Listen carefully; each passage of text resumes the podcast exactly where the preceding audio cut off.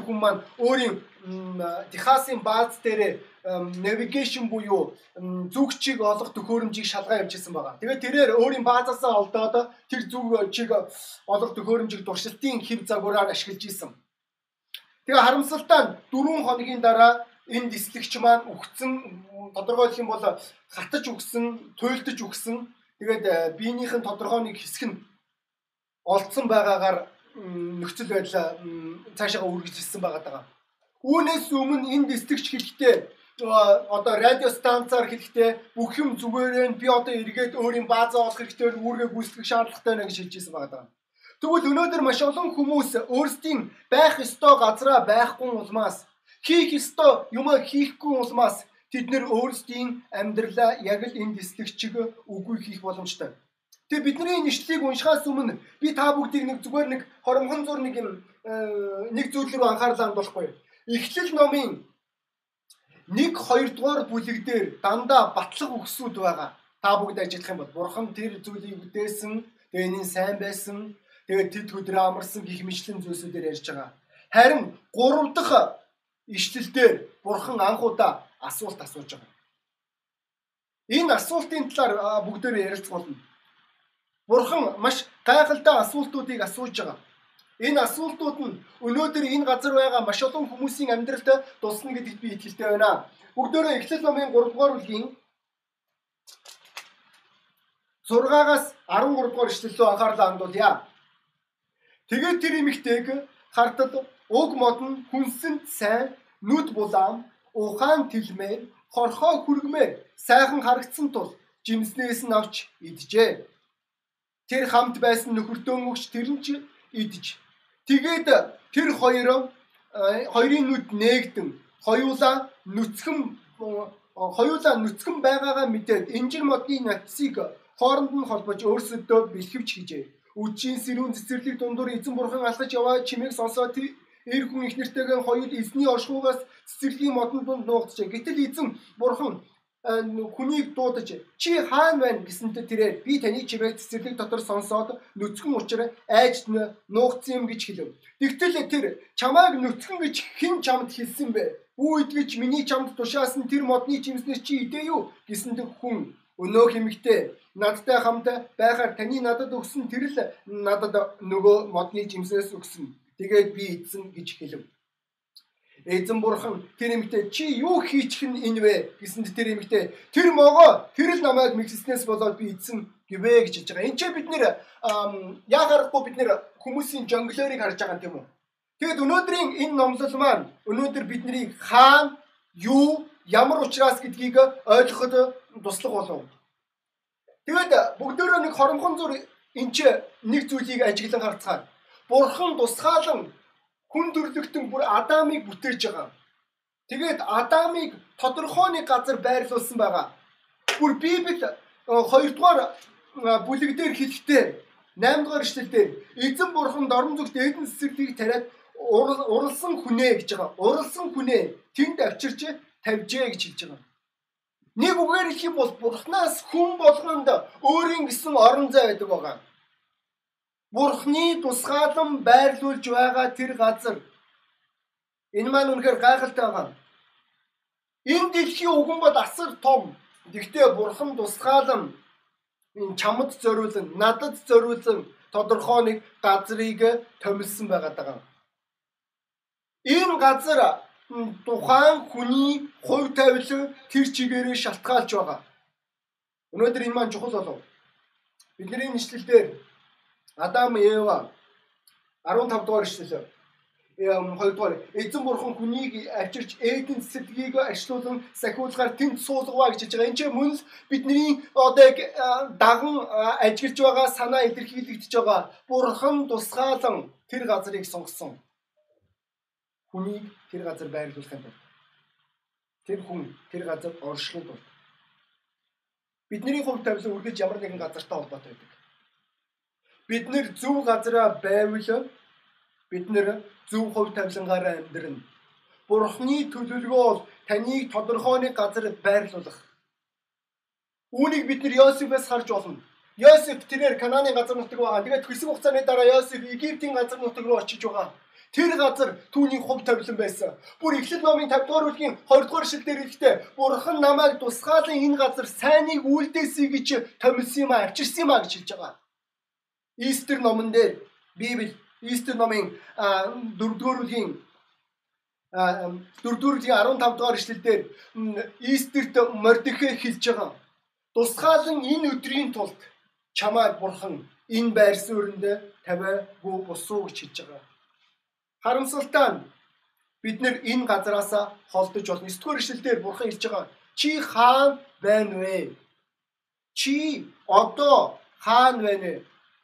Энэ нь юу гэсэн үг вэ? Бурхан тодорхой нэг газар Адамыг харахыг хүссэн байгаа. Харин тэр газар тэр байгаа бэ. Магадгүй тэр бие махбодороо байсан гэж болох юм. Гэхдээ тэр аль хэдийн оюун бодол сүнсээр өөр газар байсан байгаа. Та өнөөдөр Христийн биений хэсэг байж болно. Гэхдээ мөн үүний хажуугаар мөн Христийн биений хэсэг биш байж болно. Та аль хэдийн өөрийн бурхнаас өөрийн сүмээс өөрийн үйлчлээс холтсон. Та байх ёстой тэр газараа байх байгаа. Бурхны танд тодорхойлсон тэр газар. Та бурхантай харилцах харилцаа энэ бүх зүйл дээр тодорхойлсон тэр газар. Тэгээ таны зүрх сэтгэл хоосрлоор дүүрж байгаа. Та ойлгож байгаа итгэлийн амьдрал танд баяр хөөр өхөө болцсон гэдгийг. Итгэлийн амьдрал танд ялалт өхөө болцсон гэдгийг. Итгэлийн амьдрал танд үн цэнийг илэрхийлэхэ болцсон та ойлгож байгаа. Таны дотоод тэр ертөнцийн аль хэдийн бурхантай харилцах харилцаанаас холдсон байж болох юм. Та аль хэдийн Христийн биенээс холдсон. Өнөөдөр заримдаа бид нэр энэ зураглыг харж болно. Сүмдээ өөрийн ахан дүүстэй дургу байгаа итгэгч нарыг. Тэд нэр хэлж байгаа би бурхан таартай, би Есүс Христтэй таартай. Гэхдээ би энэ хүнийг үзэн яддаг. Найз минь чи нэг юмыг ойлгохгүй. Чи Есүс Христэд хайртай биш. Чи бурханд хайртай ерөөсөө биш. Яагаад гэдгийг мэдгүй найзаа. Яагаад гэвэл Библи хэлэхдээ Есүс Христ миний сүм бол миний сүйд үсгүү гэж хэлсэн байгаа. Харин чи тэр сүйд үсгүүдэнд байгаа. Чи тэр сүд үсгүйг үзэн ядж байгаа. Чи тэр сүд үсгүйгээс зайгаа авч байгаа. Өнөөдөр бид нар үнэхээр бурхантай харилцах харилцаатай байхыг хүсэж байгаа бол бид нар өнөөдөр итгэгч амьдралаараа үргэлжлүүлэн зөвд амьдрахыг хүсэж байгаа бол өнөөдөр ахан дүүсээ Христийн сүм гэдэг бол өнөөдөр бурхны тэр томилсон тэр газар тэр газар байгаа хүмүүс энэ хүмүүс маань бурхнаас тусгаалan томилогдсон тэр хүмүүс байгаа. Өнөөдөр магадгүй та энэ газар байгаад та сүмдээ хэрэгтэй байхаас зайлсхийдэг гэж болох юм. Энэ зураглыг бид нэр хаасаагүй сүмийн итгэгчнэрээс харж олно. Тэд нэр үзэгчнэр байхыг илүүд үздэг. Тэд нэр оролцогчнор байхаас зайлсхийдэг. Яг яг яг та аль хэдийн та байх ёстой газараа байхаа болсон. Үйл өнөөдөр ахын бүсээ бид нэг юм ойлгох хэрэгтэй болов бид нар хэрвээ байх ёстой газараа байхаа болох юм бол бид нар бурхантай харилцах харилцаагаа эхлэх болно. Бид нар бурхантай харилцах харилцаагаа үгүйх юм. Бидний энэ ишлэлдэр 7 дугаар. Тэгээд тэр хоёрын дунд тэр хоёрын нүд нээгдэн хоёул нүцгэн байгаагаа мэдээд инжирийн модны навцыг хооронд нь холбож өөрсдөө бэлгэвч хийж үдшийн сэрүүнд эцэцэлэг дундуур эзэн бурхан алхаж яваа чимээг сонсоод эр хүн их нэртэйгийн хоёул эзэн эзэн бурханы оршуугаас цэцэрлэгийн модон дунд нуугдчихэ гэж хийж байгаа. Харж ийнө энэ хүмүүсийн юу хийж байгааг. Энэ хүмүүс байх ёстой газараа байхгүй сонголт хийж байгаа. Нуугт хийж байгаа. Энэ яг аргагүй те хүн нөхцөл байдал хизүүцсэн гэсэн үг. Бид нэр өвсөөр өөрсөндөө бэлхэмж хийж байгаа. Энэ нь юу гэсэн үг вэ гэвэл аль болох ажиглагдахгүй байхыг хичээж байгаа итгэгч хүний амьдрал гэсэн үг. Аль болох хувийн амьдралаа бусдад мэдгэдгийг хүсэх байгаа ойлгомжтой чи байх ёстой газар аль хэдийн байгаа болсон. Чиний амьдрал ямар нэгэн асуудал үүссэн байгаа. Чи энэ бүх зүйлээ нуух гэж хичээж байгаа. Чи энэ бүх дутагдлуудаа үгүй гэхийг хичээж байгаа Тэгээд итгэгч нарыг бид нэр хайртай хүмүүсээс холдож байгааг бид нэр харж байна. Хайртай хүмүүсээс татгалзаж байгааг бид нэр харж байна. Хайртай хүмүүсээс зугтаж байгааг харж байна. Ахан дүүсээ та бүгд мэдгүй бид нэр бие биендээ үнэхээр хайртай. Энэ агапе хайр гэдэг нь маргаангүй. Энэ хайрыг бурхан бидний амьдралд өгсөн. Энэ хайр жинхэнэ үү худлуу ойлгомжтой хийрхэлтэй янз бүрийн сорилтууд байдаг. Гэхдээ үнэндээ хэлэхэд хайр үүсгүй бүхмэл. Гэхдээ чи энэ хайраас одоо хүртэл зугтчихж болох юм. Чи бурхантай харилцах харилцаанаас зугтаж байгаа. Чи бурхны сүмээс зугтаж байгаа. Энэ шалтгааны улмаас пасторууд ихвээ итгэгч хүн цуглаанд суухгүй байгаа нөхцөлд тэд нэр айж эхэлдэг байгаа. Яагаад яаггүй ямар нэг юм аль хэдийн тэдний амьдрал болж эхэлж байгаа учраас Тэд нэр байх ёстой газараа байхгүй. Тэд нэр янз бүрийн зүрийн зүйлийн шалтгаан гэж болно. Би ажилтай байсан, би тим юмтай байсан, оо хүүхэд өвдсөн, эсвэл тэр асуудал үүссэн гэх штэ. Бид нэр шалтгаан олж болно. Тэгвэл үүний арга бодит байдалтаар аваад үзэх юм бол бидний бурхантай харилцах харилцаа, бидний зөвхт амьдрал, бидний гэр бүл, бидний бүхэл зүйлс хохирч идэг. Өнөөдөр найз минь Чи өнөөдөр хаана байна? Бурхан асууж байна. Өнөөдөр ойлгож байна бидний шилдээр бурхан тэднийг хаана байгааг нь мэдэхгүй учраас асуугаагүй шүү дээ. Бурхан тэднийг хаана байгааг нь мэдчихсэн. Тэгтээ ойлгож байна тийм бурхан тэднээс ямар нэгэн асуулт асуух гэж асуугаагүй. Энэ шилдээр. Би өнөөдөр хүүхдээс хүртэл өчтөр би э, Томоос асуусан байгаа. Яагаад бурхан хаана чи байгаа юм бэ гэж асуусан юм бэ? Ямар учраас вэ? Маш ингийн бурхан зүгээр асууж байгаа асуулт нь батлах асуулт байсан болохоос баталж хэлхийг хүссэн болохоос чи харж гин үү хаана байгаагаа чи одоо нэг ажиглаад тараадах та. Би чамайг хаана байгааг чи мэдхийг хүсээгүй ш харин би чамайг өөрийн чинь хаана байгаагаа мэдээсэй гэж хүсэж байна. Чи өнөөдөр хаана байна вэ? Өнөөдөр чи хаана оршин вэ Ойлгож байна энэ ихний асуулт байгаа бидний амьдрал. Өнөөдөр энэ маань чухал байна. Чи өнөөдөр хаана байх? Бурхан чамд мэдээлэл өгч байгаа. Өнөөдөр бурхан чамаас асууж байна. Чи хаана вэ найз минь? Ингэснээр би дахин хэлье. Бурхан чамаас энэ хариултыг авах гээд байгаа биш. Харин бурхан чамд мэдээллийг хүсэж байна. Өнөөдөр энэ маань чухал болов. Энэ үед Адам шудраг байх ёстой байсан. Энэ үед Адам бүрэн нээгдэх ёстой байсан байгаа. Энд чи 10 дугаар эшлэлдэр Библи хэлэхдээ би таны чимээг цэцэрлэг дотор сонсоод нүцгэн учир айж нуугдсан юм а гэж хэлвэ гэж хэлж байгаа. Энэ юу гэсэн үг вэ гэлээ? Тэрээр өөрийгөө одоо хэн болсонгоо хүлээмж өөрөхөөр гарсан байгаа. Яагаад энэ газар байгаа? Өнөөдөр түүний зүрх сэтгэл, түүний сүнс яг ямар байна? Давид дээр Натан үрж ирсэн.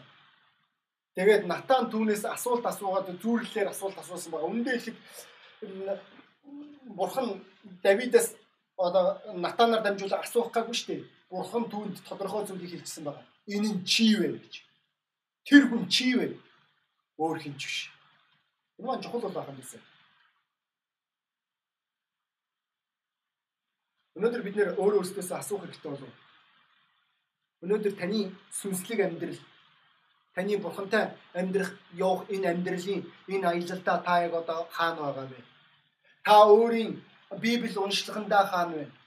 Та өөрийн залбирлын амьдралдаа хаана байгаа вэ? Та өнөөдөр өөрийн үнэнч зөвхт амьдралынхаа яг хаана оршиж байгаа чи хаана вэ найз минь? Чи өөрийн гэр бүлдээ хаана байгаа вэ? Гэр гэр бүлийнхаа хаана оршин вэ? Магадгүй чи ам зуух гэж хичээж иж болох юм. Чи өөрийгөө янз бүрийн байдлаар аргалах гэж хичээж байгаа. Чи бүх зүйлийг далдлах гэж хичээж байгаа. Бүх юм зүгээр юм шиг чи жүжиглэхийг хичээж байгаа. Гэхдээ бодит байдлаар аваад үзэх юм бол бурхан чамд хэлж өнөөдөр чи мэдээлэлээр авчих. Чи өнөөдөр хаана вэ? Чиний санхүүгийн үстээр чи хаана байгаа вэ?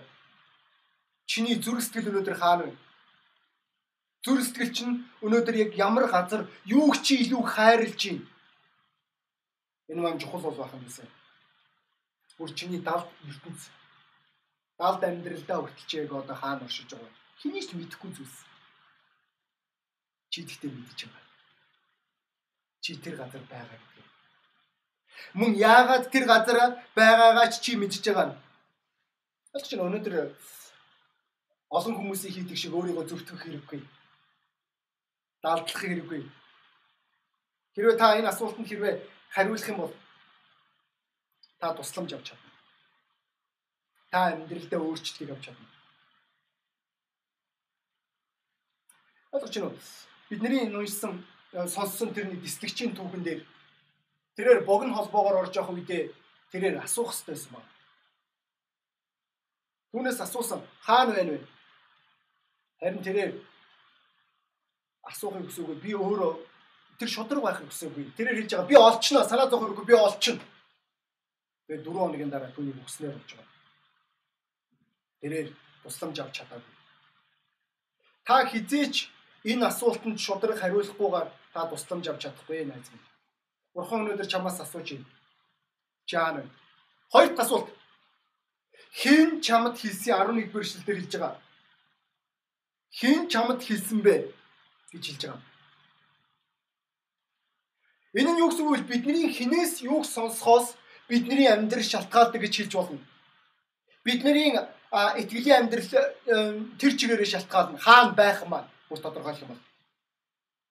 Заримдаа энэ маань дайсан ч байж болно. Бидний энэ шил дээр Еваг Ева хэлэхдээ могоо намайг хуурсан гэж хэлж байгаа. Бидний дайсан бол хуурам мэхлэгчийн магистр байтугай докторант докторийн зэрэгтэй нэгэн. Тэрээр хэнийг яаж унгахаа мэднэ. Энэ харж байна дайс яг ямар алхам хийж байгааг бүгдөө харцгаа. Дайсны хамгийн дуртай нэг арга байдаг байгаа. Энэ маань юу вэ гэвэл та бүгд мэдэх юм.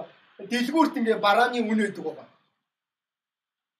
Энэ маань үнэхээр муухай гэдэг юм уу? Чи аль нэгэн дэлгүүрт орж байгаа чи номинд орж байгаа чи тэгээд номинд ороод нэг үнийг харангуудаа чи хэлж байгаа. Аа би энэ би энэ барааг авлаа. Тэр чи бараагаа аваа явж байгаа касн дээр очиж байгаа. Тэгээд касны ажилт нь худалдагч чамд хэлж байгаа. Уушлаараа таны одоо наад нэг зүйл чинь тим үнэтэй нь үгүй. Тэр үнэн тэгж бичсэн байсан шүү дээ. Уушлаараа тэр үнийн сольчиж энэ чинь буруу үн байна гэж. Тэгвэл яг л ийм байдлаар диавол чиний амьдралын үнэлэмжийг өөрчилдөг чамайг хуурч хэлж байгаа. Бидний энэ түүхийг хэлсэн ишлийг хэрвээ бид нэр харах юм бол 4-р 4-өөс 5-р ишлэлээр могоо эмэгтэй та нар ерөөсөө үхэхгүй. Та нар түүнээс эзэн тэр өдөртөө л нүд чинь нээгдэн тэм бурхан шиг болно болж сайн мөг мэдэх болно гэдгийг бурхан мэдэж байгаа гэжээ гэж хэлж. Арж ирэн энэ диавол үн цэнийг өөрчлөхийг хичээж байгаа чамайг итгүүлэхийг хичээж байгаа. Чи ойлго чамд ямар ч үр дагавар гарахгүй санаа зовх хэрэггүй. Оо хохирол үнэхээр баг байх болно. Санаа зовх хэрэггүй. Ерөн эцсийн эцэс бурхан худлаа. Аа мэдхгүй дээ. Бурхан үнэхээр тэгж хэлсэн болов Тэрээр бурхныг эргэлзээнд аваачж байгаа. Чиний итгэл үнэмшлийг эргэлзээнд аваачж байгаа. Чиний итгэдэг Есүс Христийг эргэлзээнд аваачаад эцсийн дүнд чи өөр үнэлэмжтэйгээр амьдрах хэрэг гарч байгаа. Бид нэр хэрвээ энэний бүр өмнөх түүхийг унших юм бол могоос ч үнэхээр тэр жимсүүдийг бүгдийг идэхгүй гэж хэлсэн үү? Чамайг бурханд иргэжүүлэх хичээж байгаа. Энэ маань харамсалтай гэдэг байна. Хоёр дахь бас амьдралдаа бид нэр үе үе сонсоод байдаг зүйл нь болохоор бусад хүмүүс. Бид нэр бусад хүмүүс бидний амьдралд нөлөөлдгийг мэднэ. Бидний дүгэн дээр Адамд Ева нөлөөлсөн байгаа. Энэ нь юу гэсэн үг вэ? Тэрээр Бурхны үгэнд итгэхийн оронд тэрээр өөрийн их нэрдээ итгэхийг илүүд үтсэн гэсэн үг. Зүгээр итгэгч найз минь чи бодоцгүй. Чиний их нэр чинь энэ өнөөдөр энэ Библиэс илүү мэрэгэн байж чадах уу? Би өнөөдөр намайг сонсож байгаа ямар ч их нэрүүдийг би дорд үзэхгүй шүү. Зүгээр их нэрүүд энэ ч санал нэгдэх байх. Би та бүгдэд бүгдэнд нь хайртай. Би их нэртэй бүр илүү хайртай. Тэгэхээр та танаа нөхдүүд нөхрүүд чинь танаас бүр ухаангүй хайртай. Энэ хүмүүсийн бодлого тэр гажиг зүйл байхгүй. Зүгээр л би э, бүх ихнэрүүдийг хүндэлж чинь. Гэхдээ асуудал нь юунд оршиж байгааг бол бидний шилдээр Адам Еваг сонссон байна. Хэн ч юмд хэлсэн юм. Чи хэнийг сонсож байна одоо? Чи хэнийг сонсож өөрийн итгэлийн амьдралаа өдөрдүүлж байгаа вэ? Хэн чиний жихэнд шивнэж байна? Хэн чиний итгэлийн гарцыг өөрчилж байна? Өнөөдөр тэгвэл биднээс асуух асуулт. Өнөөдөр магадгүй итгэгч найз минь нүгэлт хин нэгэн чамаа чиний итгэлийн амьдралыг өөрчилж байгаа юм шиг чи нүгэлтгүй хүний амьдралыг одоо чи ойлгож байгаа тэр хүний амьдралд асуудал байгаад байгаа гэдгийг. Гэхдээ чи тэр хүнийг сонсхийг илүүд үзэж байгаа. Яг яг бол чи энэ нь чиний жихийг гिचигдэж байгаа учраас ямар нэгэн махан биеийн итгэгч найз чинь ах чинь дүү чинь эсвэл эсэргүүцэгч бослогч ховж хутгагч нэгний чи үгийг сонсхийг илүүд үзэж байгаа. Эсвэл чи өөрийн гэр бүлийн нөлөөллөөр өдөрдүүлэхийг хичээж байгаа. Би үүнийг маш олон удаа ажиглаж харж байна. Намайг сонсож байгаа ихэнх итгэгчнэр маань та бүгд залуу хүмүүс. Би ч гэсэн залуу ойлгож байна. Тэгээд энэ үед бид нэр гэр бүлээ байгуулах үед эсвэл амьдралын чухал шийдвэрүүд гаргах үед аав ээж нар зөвлөгөө өгдөг. Энэ сайн. Гэхдээ зөвлөгөө болгон зөв гэсэн үг ерөөсөө биш шүү дээ найснараа. Тэд нэр өмнө цагийн сайхан шийдвэр гаргасан, зөв шийдвэр, муу шийдвэр гаргасан, муу шийдвэрийн үр дагаврыг та нарт зөвлөгөө өгж байгаа. Энэ бол үнэхээр сайн. Гэхдээ энэ болгон дээр амьдралаа өдөрдүүлээд яваад байна гэдэг бол энэ маань аюултай байгаа найз минь. Бид нэр 21-р зуунд амьдарч байгаа. Маш олон залуучууд охтуудын би амнаас сонсч ирсэн. ертөнц өөрчлөгдсөн гэдэг. Өөр болсон ажлын байрууд хүртэл өөрлөсөн байна. Одоо сая хүртэл коронавирусын энэ карантинаар хүртэл нэлээд олон ажлууд ямар ч хэрэггүй болж хувирлаа. Олон хүмүүс ажилгүй болж хувирсан. Маань харамсалтай байна. Тэгвэл өнөөдөр чиний амьдралын чиглэлийг тодорхойлж байгаа хэн байгаа вэ? Чи хэнийг сонсдог вэ? Америкийн нэг хотод бас мөн луужингийн чиглүүлэгч навигашнгийн буруу мэдээлэлээс болоод нэг одоо ингээд өмнө нь байгалийн үзэгдэл болоод ингээд сүрцэн намгын дунд 100 гаруй машинууд тэр чигээр тэр газар цуглараад бүглэрсэн байгаа. Өнөөдөр найз минь ойлго. Хэрвээ чи буруу дуу хоолой сонсох юм бол чи буруу газар очих болно. Хэн ч амт хийсэн бэ? Эцэст нь Бурхны асууж байгаа гурав дахь асуулт Энэ юу чи юу хийчих нь энэ вэ гэж сууж байгаа. Чи өнөөдөр яг юу хийж вэ?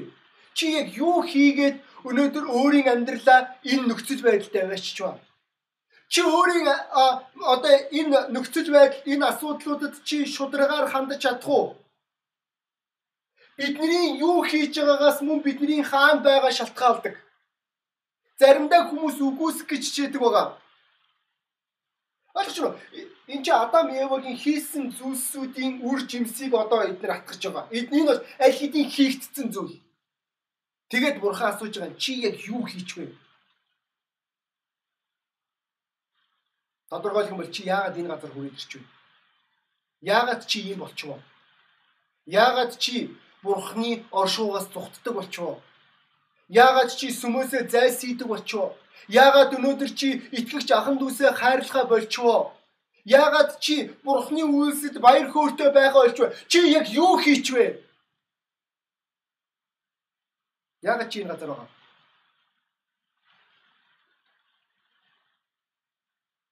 Өнөөдөр яагаад чи ямар зүйл хийсэн болоод чи энэ газар үрдэр вэ? Магадгүй энэ маань чиний дуулуургүй байдал. Энэ маань магадгүй чиний шунал. Магадгүй энэ маань чиний хүсэл тачаал Магадгүй энэ маань чиний атаархал. Магадгүй энэ маань чиний өөрийгөө өрөвдөх үзэл. Тэгээ эцсийн эцэст чи магадгүй бүр өөрийн үнлэмжээч өөр өөр болгосон байж болох юм. Тэгээ чи өнөөдөр энэ газар байгаа. Чи хэрэггүй газараа байж байна. Энэ маань харамсалтай байна. Энэ хинэггүй хамлагаас болсон зүйл чи өөрийн хийж байгаа зүйлс болгондоо тооцоолгүй ханддгийн гай найз минь. Чиний хийж байгаа үйлдэл болгон үр дагавар гаргадаг гэдгийг чи юусоо ойлгохгүйгээр өөрийгөө хууран явсны хор уршиг. Энэ үед ихэнх хүмүүс хэн нэгнийг буруутгахыг хичээдэг. Өөрийгөө зүтгэхийг хичээдэг. Өмгөөлөхийг хичээдэг гэх мэтлэн. Тэгээд эцсийн дүнд ахан дүүсээ зүгээр л чи өөр юм байх ёстой газар алдсан. Энэ маань харамсалтай байна. 80 оны үед нэг ном гарсан гэж байгаа. Энэ номон дээр хоёр уул ууланд авирагч хоёр тамирчин маань тэрээр баг үхлийн ирмэг дээр очиж байгаа аа эцсийн дүнд амьд үлдсэн. Дараа нь олон жилийн дараа тэд нэр энэ яг юуны улмаас яагаад ийм асуудал үүсч вэ гэсэн чинь тэд нэр зүгээр л төлш авахаас зайлсхийгээд үл тоомсорсон гэж байгаа. Үүн үүнээсээ болж тэд нэр тэр газар тийм нөхцөл байдал төрсэн. Өнөөдөр итгэгч найз минь чи өнөөдөр бурхантай харилцах харилцаанд чи зайлсхийж хийж болох юм. Чи Библиэс зайлсхийж байгаа. Чи үйлчлэлээс зайлсхийж байгаа. Чи гэр бүлээс зайлсхийж байгаа. Тэгээд эцсийн дүнд чи өнөөдөр байх эсгүй тэр газараа байж байгаа. Чи хийх эсгүй юм хийж байгаа. Санжино бид нэр өмнө нь Ийлигийн талаар ярьж ирсэн. Бурхан түүнээс хүртэл асуусан. Чи яагаад энэ газар байгаа гэж? Яагаад чи энд юу хийж байгаа? Яагаад чи энэ газар хөөд ирсэн юм? бидний хүн болгон өөрсдийн хийсэн бүх зүйлсээ мөн хийх зүйлсүүдээ бодох хэрэгтэй болов. Эцэст нь эдгэрлийн талаар ярих хүсэж байна. Хамтдаа бид нэр ойлгох хэрэгтэй болов. Хамгийн гол чухал зүйл бол энэ гурван асуултанд шудраг хариулах. Хин нэгэн лүү жихэх хэрэггүй, хин нэгнийг буруутгах хэрэггүй, өөрийгөө зөвтгөх хэрэггүй, өөрийгөө хаацаалах хэрэггүй, зайлсхийж зүхтах шаардлага шаардлага байхгүй. Хамгийн гол чухал зүйл бол ойлгож байна тест. Яагаад ингэж ярьж байгааг. Яагаад гэвэл энэ үйлдэл хүн төрлөختөнгөө нүгэл тунагасан байна. Энэ жижигхэн үйлдэл биш дээ. Чиний бодлогогүй тэнэг үйлдэл. Чиний бардам зам өөрийгөө үзэх үзэл нэрээ бодох байр суурь чинь найз минь яг л энэ Адам Ева шиг аюултай газар чамайг авчрах боломжгүй. Чи байх ёстой газараа байхгүй. Тэгвэл өнөөдөр байх ёстой газараа яг яаж хүрч ирэх вэ? Өөрийн байр сууриндаа яг яаж ичих вэ? Энэ маань чухал болов. Энэ маань бид нэр чи хаан байна? Хин чамд хэлсэн? Чи юу хийж үг гэдэг энэ гурван асуултанд бид нэр шудрага хариулах хэрэгтэй. Энэ үүнээс бидний ялаг ялалт шалтгаалх болно. Бид нэр үүний дараа эдгэрэл мөн тусламжийг авах боломжтой. Үгүй өнөөдөр ахын дүүсээ та өнөөдөр энэ газар ойлгож байгаа Адам хэрвээ асууцсан байсан бол хэрвээ тусламж бурхан минь би ингэж нүгэл ичлээ уучлаар үнэхээр бурхан би ингэж ийм юм болсон юм а бүх юмаа хийсэн бол нөхцөл байдал түүхийг яаж ирэх байсан бэ? Та зүгээр бодоод үзгүй юу? Би бид нэр Библийн ямар хуудсыг унших байсан бэ? Өнөөдөр хэрвээ чи бардам зан гаргахын оронд өнөөдөр чи нэрээ бодохын оронд өнөөдөр чи зүгээр зөрүүдэлж гүжүүдэлж эсэргүүцлийн байр суурьаар дүүрхийн оронд чи зүгээр л бурхны өмнө шудраг байсан бол чи өнөөдөр хаан байх ёстой байсан бэ? Одоо тэсгүй. Ойлгож байна. Тэд нэр нүглээ далталж байгаа Тэд нэр худлаа ярьж байгаа, өөрсдөө зөвтгөж байгаа, мөн бие биенийгаа буруутгах байгаа. Энэ хинт хэрэгтэй. Энэ ямар хэрэгтэй юм эцэст ингэж амьдрах. Энэ шалтгааны улмаас ахан дүүсээ бид нэг зүйлийг ойлгохоор хэрэгтэй болов. Нэгдүгээрт хэрвээ та өнөөдөр энэ газар байгаад хэрвээ өөрийн замаа олохыг хүсэж байгаа бол гэмш. Энэ бидний амьдралд хэрэгжилж болох хамгийн гайхалтай аргуудын нэг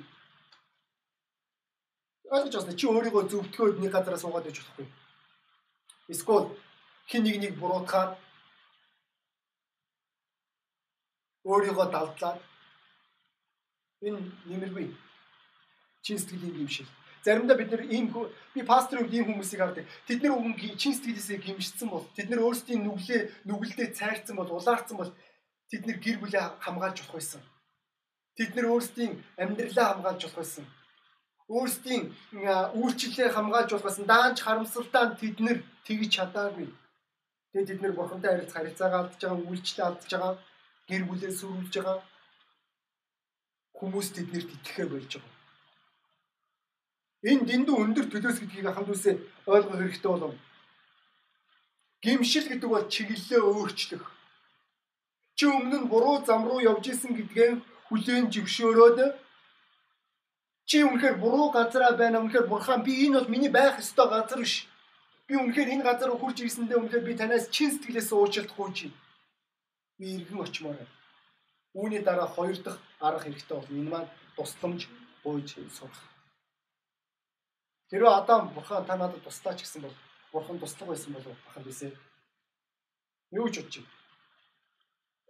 Тэгвэл өнөөдөр бурхан чамд туслахгүй юу? Өнөөдөр чи бурхнаас тусламж гуйх хэрэгтэй болов. Тэр үед чи зүрх сэтгэлдээ эдгэрэл харилцаандаа сэргэлт бурхантай хамт амьдрахын амьдралдаа баяр хөөргийг эргүүлэн олж авах болно. Чи гэр бүлээ сэргээх боломжтой. Чи тусламж гуйсны ачаар чи бурхнаас бурхан минь та надад туслаач би танаас үнэхээр гуйж байна. Энэ маань дэндүү энгийн сонсогдож байгаа гэдгийг ойлгож байна. Гэхдээ бурхан тусламж гуйсан ард түмнийг үргэлж авчирсаар ирсэн байна. Бид нэр Бабилоны боолчлыг санаж олно. Бид нэр Египтийн боолчлыг санаж олно.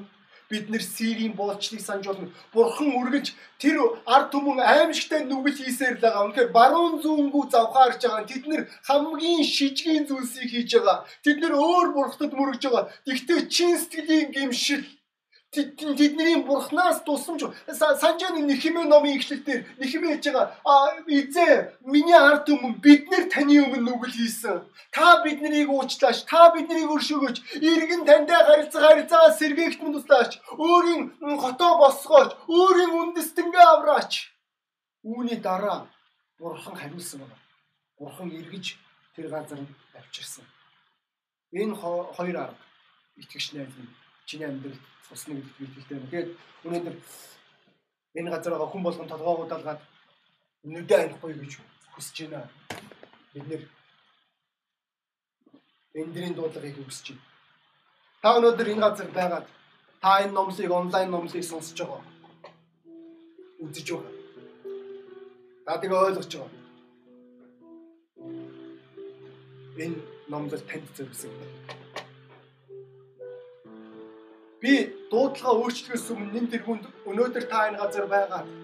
Та миний хайрлагч бурхныг мэддэггүй болох юм. Бурхан танд хайртай гэдгийг та мэддэггүй. Олон жилийн хугацаанд таныг хүмүүс хуурсны улмаас магадгүй таны зүрх сэтгэл хатуурсан. Нүгэл өөрийн ажлаа таны амьдралд хийсэн байгаа. Би мөн танд итгэх хүчин нүгэл өргөжлүүлэн ажлаа хийсээрч байх болно.